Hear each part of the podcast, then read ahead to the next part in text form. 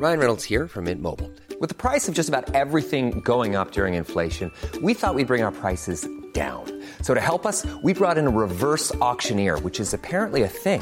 Mint Mobile unlimited premium wireless. Ready to get 30, 30, bit to get 30, bit to get 20, 20, 20, bit to get 20, 20, bit to get 15, 15, 15, 15 just 15 bucks a month. So, Give it a try at mintmobile.com slash switch.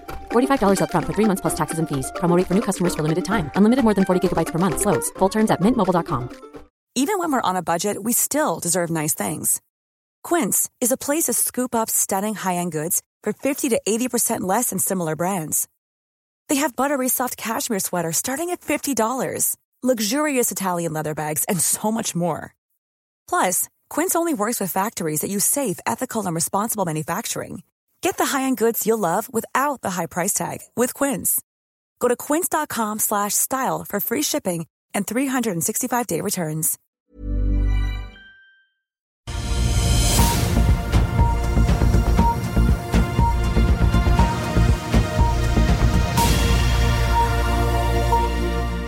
En riktig god eh, morgen og velkommen til Børsmorgen her hos oss i Finansavisen. Direkte inne fra NHOs årskonferanse på denne tirsdag 9. januar. Mitt navn er Marius Lorentzen sammen med aksjekommentator Karl Månes. På plass her da på Oslo eh, Spektrum.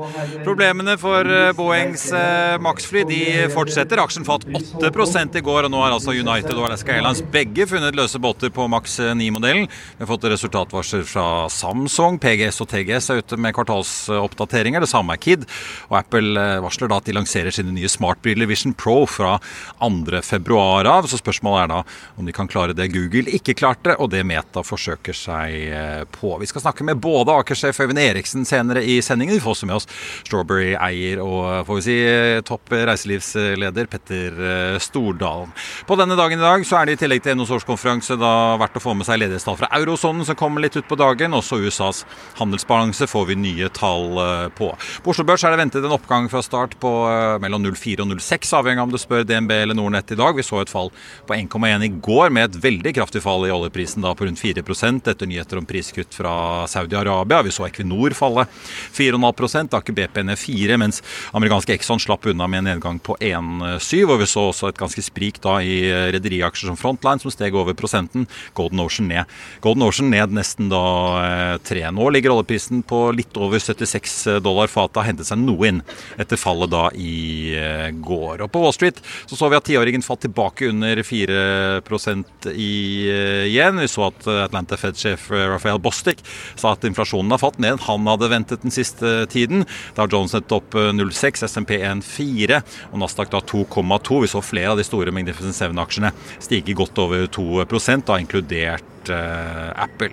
Da skal jeg si uh, god morgen til uh, deg, Karl Johan. Nå har folk kommet inn i salen her, så nå får vi litt albuerom til å skravle litt. Uh, jeg vet ikke hva vi skal begynne med. Jeg har fått trafikktall fra North Atlantic og Kid er ute med tall. og Nå skal vi begynne med seismikk, kanskje? PGS, ja. TGS? Ja, og Der er jo den fusjonen på gang da, vet du, med TGS og PGS. Og De tallene som de legger fram nå, de skal man ikke ta så alvorlig. For det er klart det er jo prega av både det formelle rundt fusjonen, og at og begge organisasjonene er i en situasjon der man forbereder seg på en fusjon. Men i tillegg da, så Fusjonen kommer jo fordi det er en ubalanse. Det er jo eh, liksom sent i syklusen, og mens eh, seismikk kanskje er den neskvikken som du eh, lager deg når du raskt trenger sjokolademelk, men etter en stund så er det jo er det nok kakao til alle, og da er det liksom ikke så, så mye seismikk man er interessert i. Altså de, de, de, har nok en utfordring, fordi at veksten innen olje, oljeproduksjon skjer jo på land i Permian-feltet og på dypt vann da utenfor Guyana, Brasil og Vest-Afrika. Det er ikke det beste. ikke sant? Det beste for TGS er høy aktivitet i Mexicogolfen og små, små felt og selge mye til mange. og at alle holder på litt med sitt, da, men liksom når de store elefantene da drar på med store, tunge investeringer på land og på dypt vann, det er ikke det beste. Så de har en utfordring. så Når Åshild Tveitereid sier dette er det beste han har sett på 40 år, så er det, det, er jo, det er jo ikke riktig. Og det visste alle som Når det kom på banen, så visste alle det var bare å gå tilbake igjen til 2014. Så ja, de har utfordringer, og de må virkelig jobbe sammen for å produsere god lønnsomhet som ett selskap.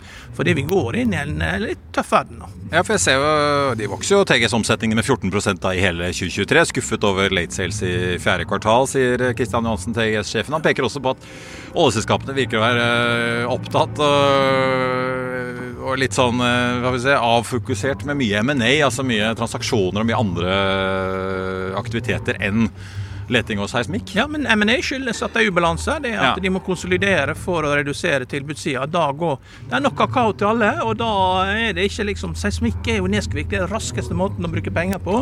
Hvis du trenger å gjøre noe, så er jo det da å leite. Det er det som gir raskest avkastning, både i tid og på penger, når du virkelig trenger å Så seismikk er gull verdt, men ikke alltid. Og den den eh, fasen vi er i nå, så er det kanskje den eneste fasen hvor seismikk sliter. Da, det er liksom når det er nok til alle. Og det er jo sjelden.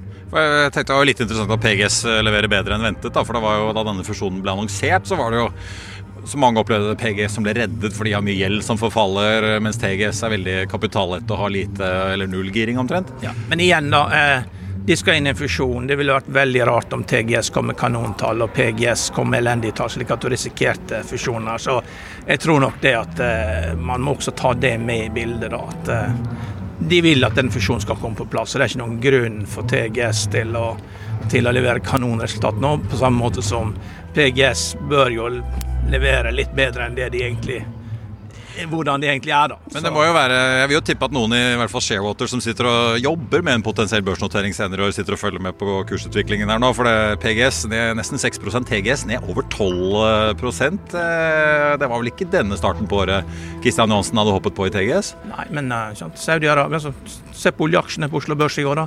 Equinor ned 5 Aker BP ned 4 Vår Energi ned 4 Amerikanske oljeaksjer ned. Uh, stor fusjon innen naturgass. Er uh, Eh, olje har en litt tøff start på året. Eh, så, så det, da må man ta det. Men, men TGS og, og er jo et veldig veldrevet selskap, og de vil helt sikkert eh, kunne vise PGS noen triks på hvordan man opererer uh, litt mer sånn kapitallett. da.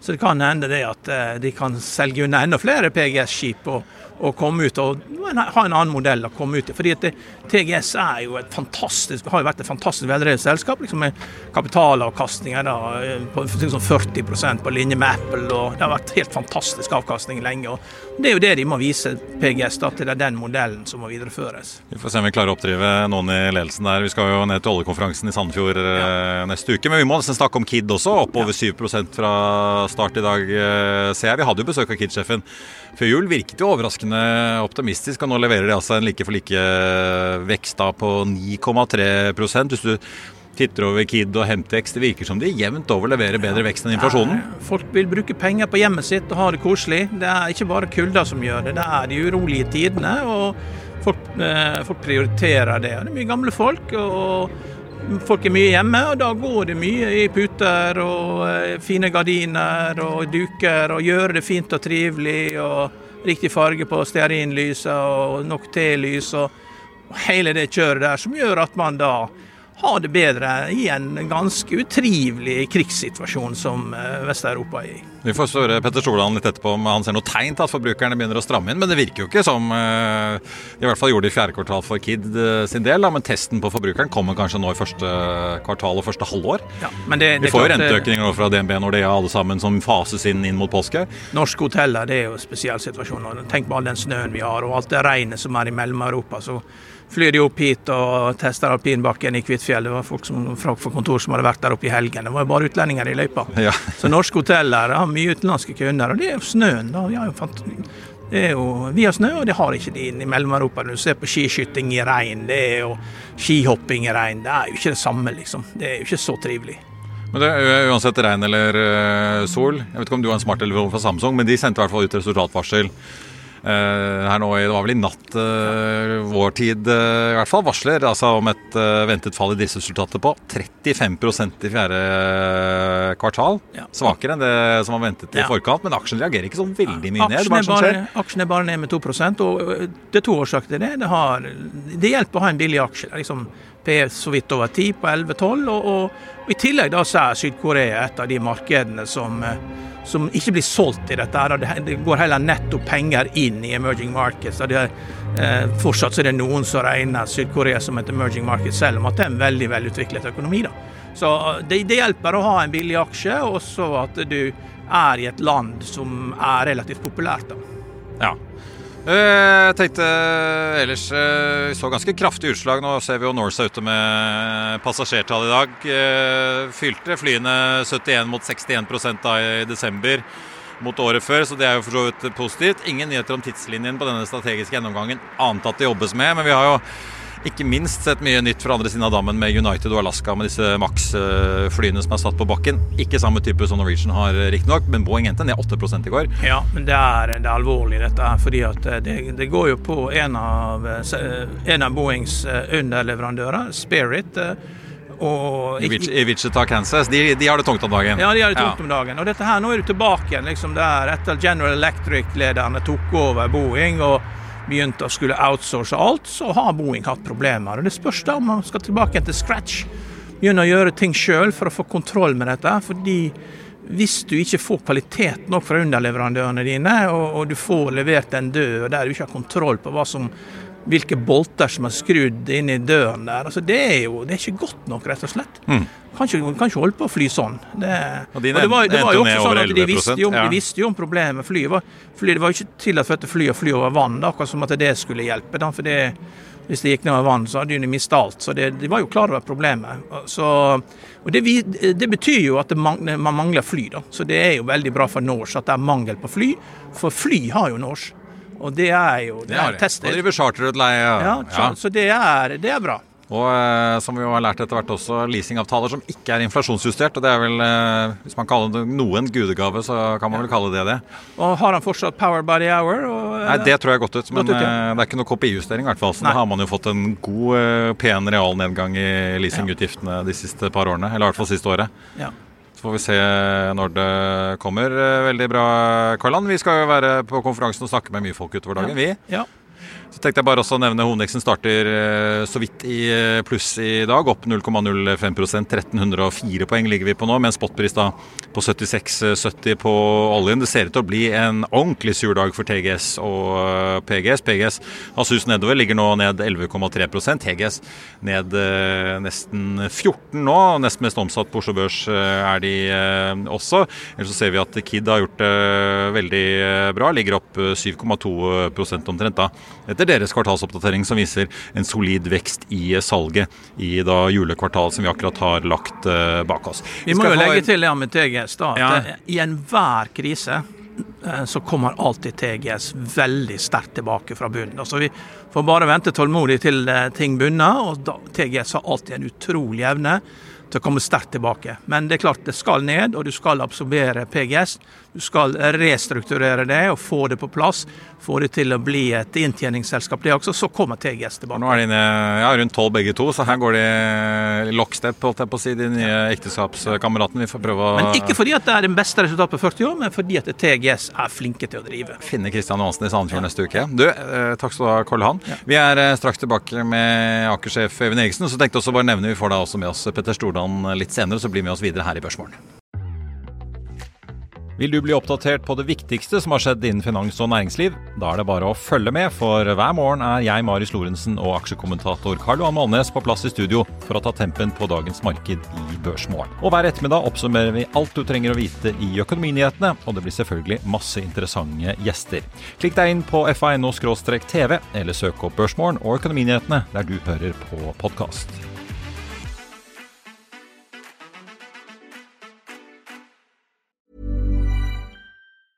Hey, I'm Ryan Reynolds. Recently, I asked Mint Mobile's legal team if big wireless companies are allowed to raise prices due to inflation. They said yes. And then when I asked if raising prices technically violates those onerous two year contracts, they said, What the f are you talking about, you insane Hollywood ass?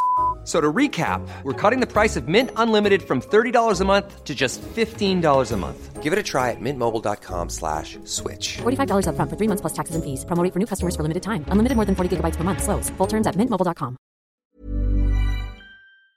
I'll see you in court. Vi sier det ofte litt på spøk, men for deg som driver business, er det aldri moro å innse at du ikke har laget en 100 gyldig kontrakt.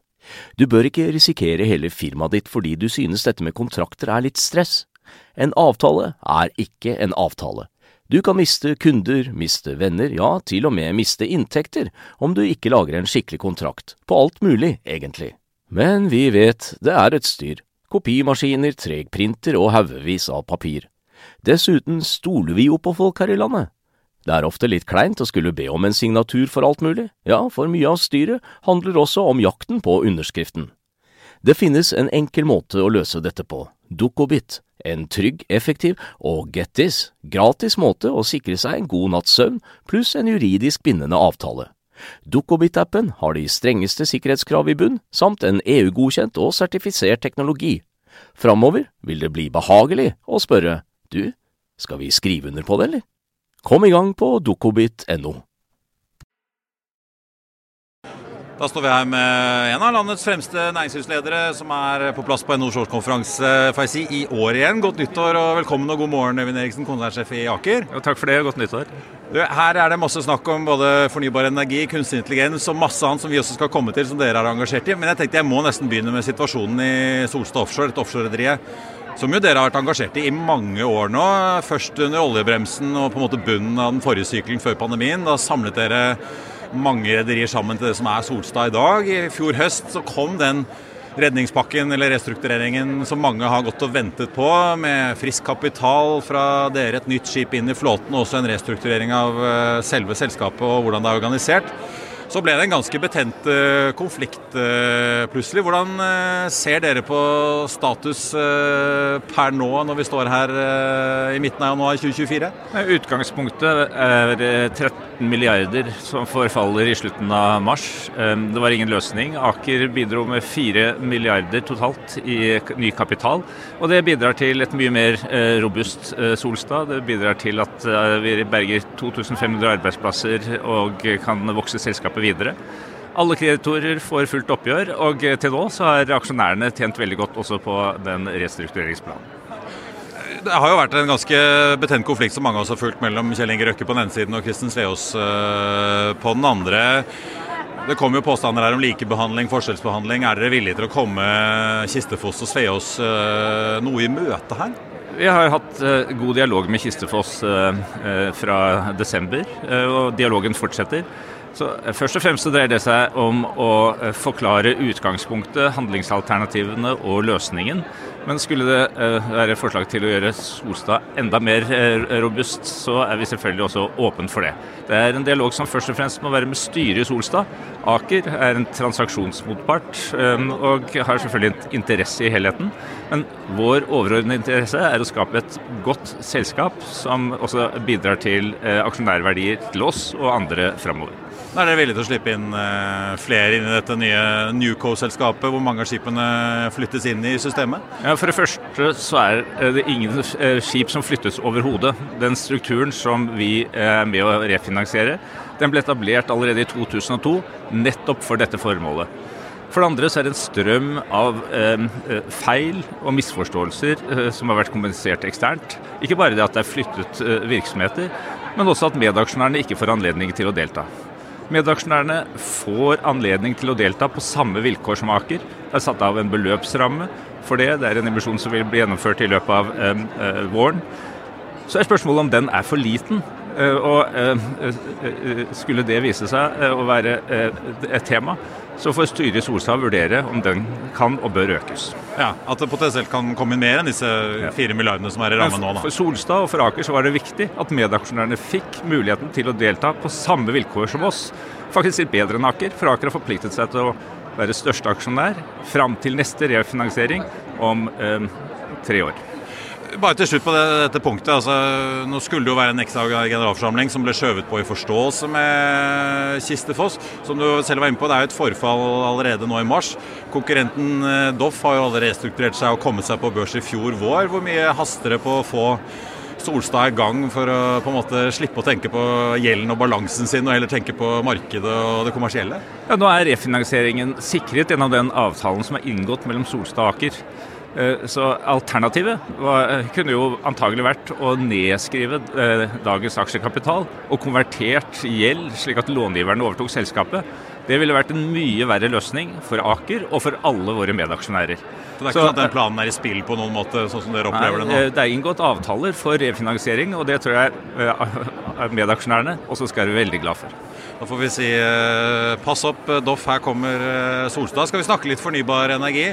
For dere er jo ikke bare store i olje og gass, Øyvind Eriksen. Dere er veldig store i fornybar òg. Har jo satt opp dette Aker Horizons-selskapet som en slags paraply for denne satsingen. Hvordan ser 2024 ut nå da? Vi har sett flere, inkludert både dere og andre i fornybarnæringen, slite prosjekter som man trodde skulle bli sanksjonert og ikke ble sanksjonert. Kostnadene har økt, lønnsomheten har vært presset. Ser det litt lysere ut i 2024? Først og fremst så har 2023 vært et veldig vanskelig år for eh, fornybar generelt, og enkelte fornybarselskaper som havvind eh, spesielt. Eh, Så er det også en erkjennelse at Aker har vært for ivrig for tidlig, som mange innenfor det grønne segmentet. og Det har ført til at også vi har hatt altfor store tap på grønne investeringer i året som har gått. Samtidig så er det jo ingen tvil om at energiomstillingen har kommet for å bli. Den kommer til å ta lengre tid, den kommer til å være mer krevende, den kommer til å koste mer, men det kommer til å skje. Så da gjelder det å finne vår plass um, i uh, den muligheten. 2024 vil forhåpentligvis um, eh, bidra til noen skritt i retten, riktig retning. Men jeg tror ikke det blir en vesentlig bedre um, virksomhet uh, generelt i 2024. Dette kommer til å ta mm, flere år enn det veldig mange liker, men det kommer til å skje. Jeg har lest litt med interesse. Hvis du ser på regnskapene til Aker og Aker Horizon, så er det jo vanligvis Aker som har den eh, feteste lommeboken. Men hvis du ser på det jeg pleier å kalle krigskassen, likviditet pluss da tilgjengelig kreditt, så var den utgangen av tredje kvartal 6,9 milliarder for Aker, 9,1 for Aker eh, Horizon. Så det, de har faktisk et par milliarder, hadde da per utgangen av et par milliarder mer i kontanter på bok. Kan vi komme til å se strukturelle endringer, oppkjøp eller andre ting fra Horizons i løpet av året, for å i hvert fall kanskje begynne å få et eh, litt mer lystig 2025, da? Og Det som er spennende Aker, er at transaksjoner er jo en del av kjernevirksomheten. Så her vil jeg ikke utelukke noen ting. Men først og fremst så har vi i 2023 vært opptatt av å få tilbake robustheten i um, Aker Horizons, særlig i um, datterselskapet Mainstreams virksomhet i Chile. Det har vi lykkes med. Og nå tror jeg vi skal bygge sten på sten og lære også de feilene vi har gjort. Og være litt mer disiplinert, litt mer tålmodig. Og, um, sånn at vi kan um, bygge et, nytt grønt ben i Aker som er robust når vi står her 10-20 år fram i tid. En av de mest eh, aktuelle problemstillingene vil jo bli hva man skal gjøre med den norske havvinden når man skal gå videre. I første omgang da med Sørli Nordsjø 2, som dere er inne og har søkt prekvalifisering eh, om i systemet. Hvordan ser du på det nå? Jeg hører fra andre aktører den, eh, som er med i den prekvalifiseringen og sier at det er ikke sikkert de kommer til å by auksjonen gitt dagens vilkår. Nei, generelt så er jo havvind et uh, veldig krevende segment uh, nå. Mange har tapt i andre regioner i norsk sokkel. Så dessverre så er tidspunktet for de auksjonene uh, alt annet enn optimale. Så er det stor forskjell på Sørlig Nordsjø, som er bunnfast og mer etablert teknologi, i forhold til Utsira, som er flytende og i bunn og grunn teknologiutvikling. Aker, som norsk industri, har nok de største mulighetene innenfor flytende havvind. Vi har allerede teknologi som anses som ledende i verden. Så der er spørsmålet å industrialisere det, få ned kostnadene, slik at det kan skalere i og utenfor Norge. Sørlig Nordsjø er mer kompleks. Beslutningen om å distribuere kraften til Fastlands-Norge og ikke til Europa må vi respektere. Det er gode politiske grunner til det, selv om kommersielle betraktninger ville lede til en annen beslutning, ganske sikkert. Så eh, her og nå så har vårt konsortium med BP og Statkraft og Mainstream eh, søkt om prekvalifisering. Vi venter på svar på det. Og så må konsortiet eh, beslutte og kommunisere hva de gjør videre når det kommer til anbudskonkurransen.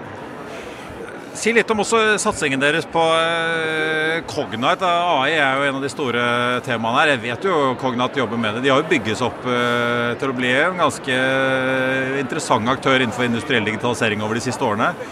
Veldig mange AI-relaterte aksjer i aksjemarkedet gikk som en kule i fjor. Klarer dere å kapitalisere på den trenden i, Cognite i år? Absolutt. Vent og til å se når Paula Doyle kommer på scenen her om noen minutter. Hun er i dag digitalsjef i um, Aker BP, men uh, har vokst opp i Cognite og kan det selskapet, den teknologien og de mulighetene fra innsiden. For et år siden så eh, tok eh, generativ AI eh, fullstendig av. Åpenbart en hype, men samtidig en hype som kommer til å endre verden. Vi er en del av det fra et industrielt ståsted. Eh, og vi trenger det som industri. Eh, ikke minst norsk industri. Eh, hvor vi ikke klarer å henge med i produktivitetsforbedringen på samme måte som det som skjer i andre deler av verden hos konkurrenter. Så Aker ser på digitalisering generelt og eh, eh, kunstig intelligens for industri spesielt. Dels som en viktig del av vår forbedringsplan og vårt forbedringsarbeid. Og i tillegg så har vi Cognite og andre software-selskaper som vi håper og tror har mye å bringe til Aker i framtida. Blir det fortsatt uh, in-house, holdt jeg på å si, en, privat eierskap på Cognite i år sammen med da, medaksjonærene, eller vi er den mye omtalte børsnoteringen mer aktuell i 2024? Altså, vi eier Cognite sammen med um, Saudi Ramco. To amerikanske venture capital-firmaer, Axel og TCV, og nøkkelpersoner i Cognite. Og Aksjonæravtalen sier at vi en dag skal bringe Cognite på børs. Eh, antagelig i USA. Så får tiden vise om det blir eh, sluttresultatet, eller om vi gjør eh, andre typer transaksjoner. Det siste jeg gjerne vil spørre deg om, Even Eriksen, er Aker BP, som jo vi kan vel kalle kronjuvelen i Aker-systemet. Dette oljeselskapet som gir helt enorme inntekter inn til Aker og har vokst helt fenomenalt det siste tiåret. Vi vet jo ikke hva oljeprisen blir i år, jeg vet ikke om du vil spå det. Men det jeg lurte på er jo når vi nå ser såpass mye konsolidering i næringen. Vi har sett britiske Harbour komme inn eh, med en tidligere finansdirektør fra Aker BP i ledergruppen der. Kom inn og kjøpe Wintershall. Det har vi sett mange transaksjoner også globalt, ikke minst i USA. Kan Aker BP komme til å bli del av noe større i år, tror du? Eh, Aker BP er et fantastisk selskap som har vært eh, utviklet i løpet av de siste 15 årene. Kjell Inge og jeg har jobbet sammen i våre roller som styreformann og konsernsjef i en Aker, og med gode kolleger både i Aker og Aker BP. Aker BP skal holde seg på norsk sokkel. Vi har ingen planer om å ekspandere inn i andre regioner. Aker BP har et eh, investeringsprogram på eh, rundt 200 milliarder kroner mellom nå og 2027. Det aller viktigste for oss er å gjennomføre det i godt samarbeid med Aker Solutions og andre leverandører, i henhold til plan og henhold til eh, budsjett. Og Overordnet og strategisk så er Aker BPs oppgave å fram i tid å produsere olje og gass på norsk sokkel til de laveste utslippene og de laveste kostnadene i verden. Og På den måten så gjør vi også Aker BP robust i forhold til oljepris- og gassprissvingninger, som helt sikkert også kommer i framtida. Even Eriksen, konsertsjef i Aker, tusen takk for praten. Godt nyttår og lykke til på konferansen her i dag. Tusen takk. Da er vi på plass med en av de som utvilsomt er de største energibuntene i norsk næringsliv. Petter Stordalen, eier av Strawberry-konsernet. God morgen og velkommen. Tusen takk. Når vi har deg her, Nå har vi snakket med Øyvind Eriksen, konsernsjef i Aker, om mye fornybar og olje og kunstig intelligens. Når vi har eh, kongen av reiselivet her, jeg må jo spørre deg, hva tror du om 2024? Vil folk fly like mye, reise og bo på hotellet like mye, tross inflasjon og høy prisvekst og kanskje litt tyngre tider? Jeg tror i hvert fall det er én ting de fleste kommer til å være enige om. Det er at 2024 blir bedre enn 2023. Vi har lagt bak oss et av de årene med flest renteøkninger på mange tiår. Vi har sett liksom inflasjonen som har gått til nivåer som basic du kanskje aldri har opplevd. De, hele din historie handler om en inflasjon hvor man skulle anslå er den 1,9 eller 2,1. Og så plutselig skyter den i været og blir tosifra. Og renten bare gikk sånn? Og, ja, og renten liksom Man trodde at, man nesten, at penger nesten skulle være gratis. Nå går vi tilbake i 2024 til noe som kanskje er mer normalt. Kommer å, det, vi kommer ikke tilbake på de rentenivåene vi hadde, men vi skal ned fra der vi er. Og inflasjonen kommer til å få kontroll på. Litt av problemet med inflasjon nå er mest sannsynlig den litt svake, eller veldig svake norske krona. Hvis du ser det var Danmark som kom med inflasjonstall nå, de har jo kontroll på det. Også er jo den danske krona pegga mot euro, så den er relativt mye sterkere enn norske. Svensk inflasjon faller, norsk inflasjon faller. 2024 kommer til å bli bedre for eh, de fleste av oss. Men hva da med forbrukeren? Eh, har dere noe sånn uh, fingerfølelse i strawberry med liksom hva det kommer at folk har fløytereise så mye. Er det en sånn post-pandemi-greie fortsatt, eller er det Men nei, jeg tror det er For det virker er jo ganske som en seig og god etterspørsel, på en måte. Ja, ja jeg, for det første var vi overrasket ut av pandemien. Eh, For Det vi var mest overrasket over, det var det, eh, at privat, liksom privatmarkedet kom tilbake fort og veldig sterkt. Der hadde det etablert seg noen trender, sånn som det å ta ferie i eget land. Det å ta ferie i egen by, som vi kaller staycation. Den trenden var noe som kom ut av pandemien, og som har vært veldig sterk. Og når du tenker på det, mange av de små ting som skjedde, er logiske. Istedenfor at du skal ta med kona di eller dama di og reise til London og ha problemer med unga som er hjemme, så gjør du det i Oslo, for du kan gjøre akkurat samme tingene her. Du kan bo på like fine hotell, du kan ha like fine konsertopplevelser og alt mulig. I tillegg så koster det en brøkdel av hva det koster å dra til London. Men det vi ser som er interessant, det ser ut som en sånn, den vedvarende trend. Vi flyr mer, vi reiser mer, vi bor mer på hotell, og det ser ut som det fortsetter. Og når du spør folk hvis du hadde fått mer penger, hva hadde du gjort? Nummer én på lista er da vil jeg reise på ferie, eller jeg vil reise. Så det er noe man vil prioritere. Du vil kanskje ikke kjøpe en ny hengekøye. Nei, sykler, eller et nytt og- eh, Ja, ja, mm. du kjøpte nok sykler og hengekøyer under pandemien. altså, det, så nå tror jeg liksom Nå vil du, ha en, nå vil du oppleve, og du vil ha med deg minner. Til slutt, eh, Petter, når jeg har deg, jeg må jo spørre om eh, hva som blir liksom de store hendelsene i Strawberry-systemet i år. Jeg vil tro kanskje en av de er hva dere skal gjøre med denne bonussatsingen med Norwegian, eller? Ja, der lager vi en ny valuta. Eh, eh, ingen har gjort det før. Eh, I hvert fall ikke i Europa. Og det kommer til å bety masse for alle de som er, i dag er medlemmer i Strawberry eller i Norwegian. Og det kommer før sommeren en gang? Eh, vi det kommer før sommeren. Ja. Eh, og så skal vi jo utvikle dette helt nye produktet og valutaen. Men det, være, det, det blir en game changer innenfor eh, hotell og reiseliv. Og det vil du se. Så når du spør hva blir de store tingene, det blir en av de. Blir det flere? 100 Eneste jeg garanterer er nå, nå liksom flytter vi fram posisjoner, vi gjør nye ting. Er vi heldige, så får vi kanskje se deg i fallskjerm eller line over et eller annet torg i en Ikke så mye mye det, men, men, men det blir på business-siden. Men det blir spennende. Men jeg er optimist eh, eh, på begynnelsen av 24. Petter Stordalen i Strawberry, tusen takk. Eh, Godt nyttår og god konferanse. Okay, Vi må runde av litt med den ganske dramatiske kursutviklingen vi ser nå i seismikkbransjen på Oslo Børs. TGS ligger faktisk på toppen av omsetningslistene nå med 144 millioner i omsetning så langt. Godt over Equinor og Frontline eh, og eh, Belco også. Begge, både de og ekteskapspartner PGS ligger begge ned rundt 13% så det ser ut til å bli en av de verste dagene på lenge for seismikkduoen, etter at de altså begge kom ut med kvartalsoppdateringer.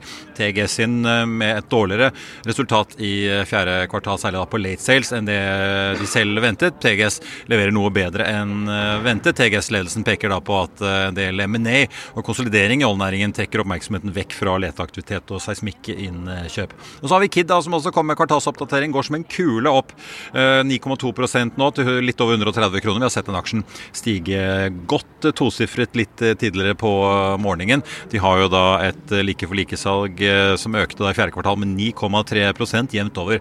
Også en solid vekst i hele 2023, både hvis vi titter på konsernet som helhet, og da også de 200 divisjonene Kid her hjemme i Norge og Hemtex i eh, Sverige. Tenkte også bare å nevne Norwegian, i og med at vi har snakket litt reiseliv med Petter Stordalen i dag. Ikke bare jobber de med dette bonussamarbeidet sitt da med Stordalens eh, Strawberry, som foreløpig ikke har fått noen navn ennå heller. Men de har også da kommet med en melding på tampen av gårsdagen om at de da foreslår en del endringer i obligasjonsvilkårene sine, som gjør at de også da kan stille eiendeler i Widerøe-systemet som eh, sikkerhet da inntil en gjeld på 1,75 milliarder kroner. Norwegian opplyser da to av tre eh, av obligasjonseierne støtter forslaget, så det ser ut til å bli banket gjennom. Norwegian fikk jo da like før juleferien klarert oppkjøp av Widerøe til en drøy milliard kroner, så vi regner jo med at det blir gjennomført i løpet av eh, året. En annen aksje som er verdt å nærme seg, eller få med seg i dag, norske Titanium har satt tegningskursen på da den delvis garanterte emisjonen sin som eh, ble annonsert før jul null til 0,82 øre aksjen. 0,82 kroner aksjen skal det hete. Den endte da i går på 2,69, så det er jo da en aksje som er litt under press i dag. Ellers så tenkte jeg også bare å nevne noen analytikeroppdateringer vi har fått på uh, tampen. Europris, der oppjusterer Carnegie kursmålet fra 69 til 79. Gjentar sin hold-anbefaling. Den endte i går på 77,75. Så har vi Nordic Semi, da. Når Kepler Chevrolet er ute der, oppjusterer kursmålet ganske mye, fra 115 til 150 kroner. Gjentar kjøpsanbefalingen. Det er jo en aksje som har fått mye juling, men vi har jo da en ny toppsjef uh, som kommer inn der, så vi følger også med på det selskapet videre. Arctic nedgraderer for øvrig fra hold til salg, men beholder sitt kursmål på 100 kroner eh, aksjen. Og så er det da tenkt også bare ta med Tomra gjensidige. Jeffreys oppjusterer kursmålet med 20 kroner på Tomra da til 110. Gjentar sin holdanbefaling. Den endte i går på 115. Og så har vi gjensidige hvor ABG oppjusterer fra 163 til 185 og gjentar sin holdanbefaling. Den endte på 182 i eh, går. Nordsjøoljen ligger opp eh, nesten prosenten etter det kraftige fallet vi så i går, nå på 76,73 i spot-markedet. Vi var jo nesten på 79 i går før det kraftige fallet etter nyheten om disse priskuttene fra Saudi-Arabia. Hovedindeksen holder seg også over vann, får vi si, med en oppgang på 0,1 eh, da til 1305 eh, poeng. Utover dagen her fra NHOs årskonferanse skal vi snakke med en rekke andre toppledere. Vi får med oss både sjeføkonomen i LO og NHO til en debatt om utsiktene for 2024. Vi skal snakke med Statkraft om deres nye investeringer og mange, mange flere, så det er bare å følge med både her på FA-TV og på, NO, nei, på FA.no utover eh, dagen. Mitt navn er eh, Marius Lorentzen. Tusen takk for at du så eller hørte på. Og så håper jeg vi ses igjen snart.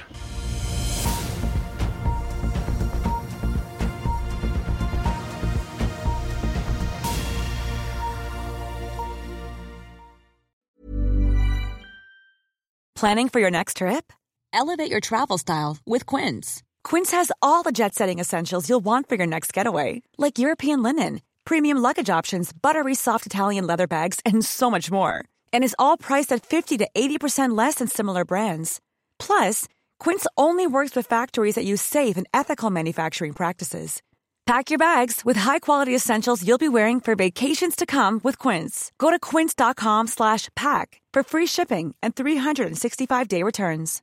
When you make decisions for your company, you look for the no-brainers. And if you have a lot of mailing to do, Stamps.com is the ultimate no brainer. It streamlines your processes to make your business more efficient, which makes you less busy. Mail checks, invoices, legal documents, and everything you need to keep your business running with Stamps.com. Seamlessly connect with every major marketplace and shopping cart. Schedule package pickups and see your cheapest and fastest shipping options from different carriers. With rates up to 89% off USPS and UPS rates. And with the Stamps.com mobile app, you can take care of mailing and shipping wherever you are. Make the same no brainer decision as over 1 million other businesses with Stamps.com. Sign up with Code PROGRAM for a four week trial, plus free postage and a free digital scale. No long term commitments or contracts. That's Stamps.com. Code PROGRAM. Økonominyhetene er en podkast fra Finansavisen. Programledere er Marius Lorentzen, Stein Ove Haugen og Benedikte Storm Bamvik. Produsenter er Lars Brenden Skram og Bashar Johar. Og ansvarlig redaktør er Trygve Hegnar.